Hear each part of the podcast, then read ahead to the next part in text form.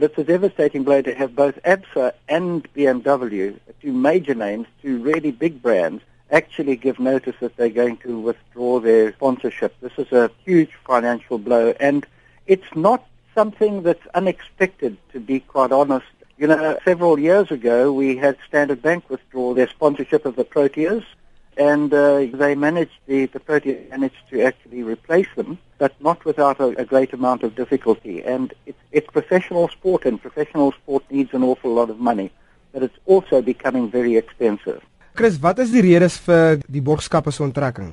ABSA have said that it's the lack of transformation, but quite honestly, I think that's only part of it. I think that the major reason is money.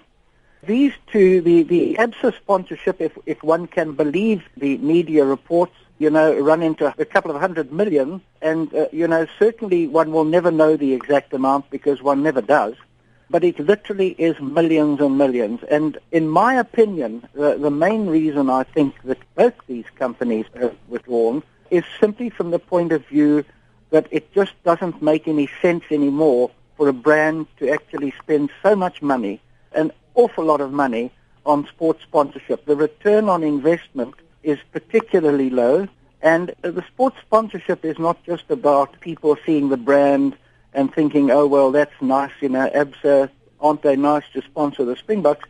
I think we must go and bank with ABSA and we must sell our Mercedes-Benzes and we must go and buy BMWs. That's not the way it works. It's all about relationships. It's ABSA and BMW clients to be able to invite them to the, uh, you know, to rugby matches and also to have individual Springboks go to these corporate events, you know, the ABSA and BMW corporate events. So there is a lot of value in that.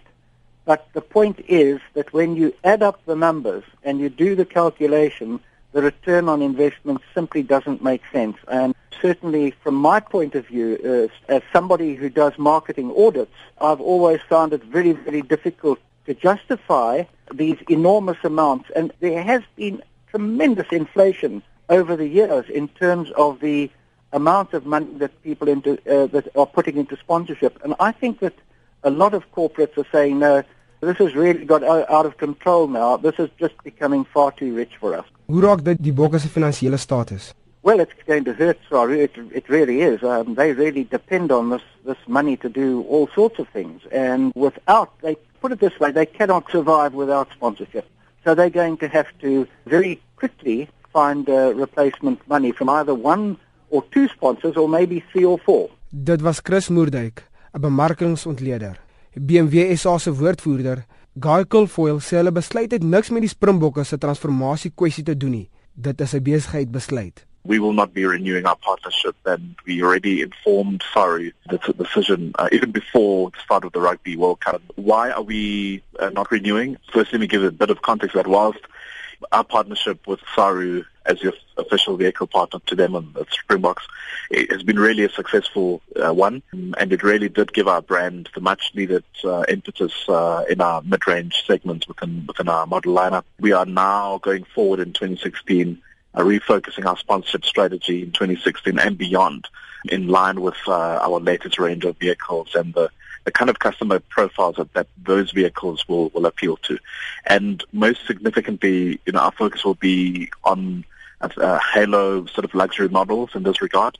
And going forward, rugby does not offer the best demographics going forward in terms of our new uh, sponsorship strategy.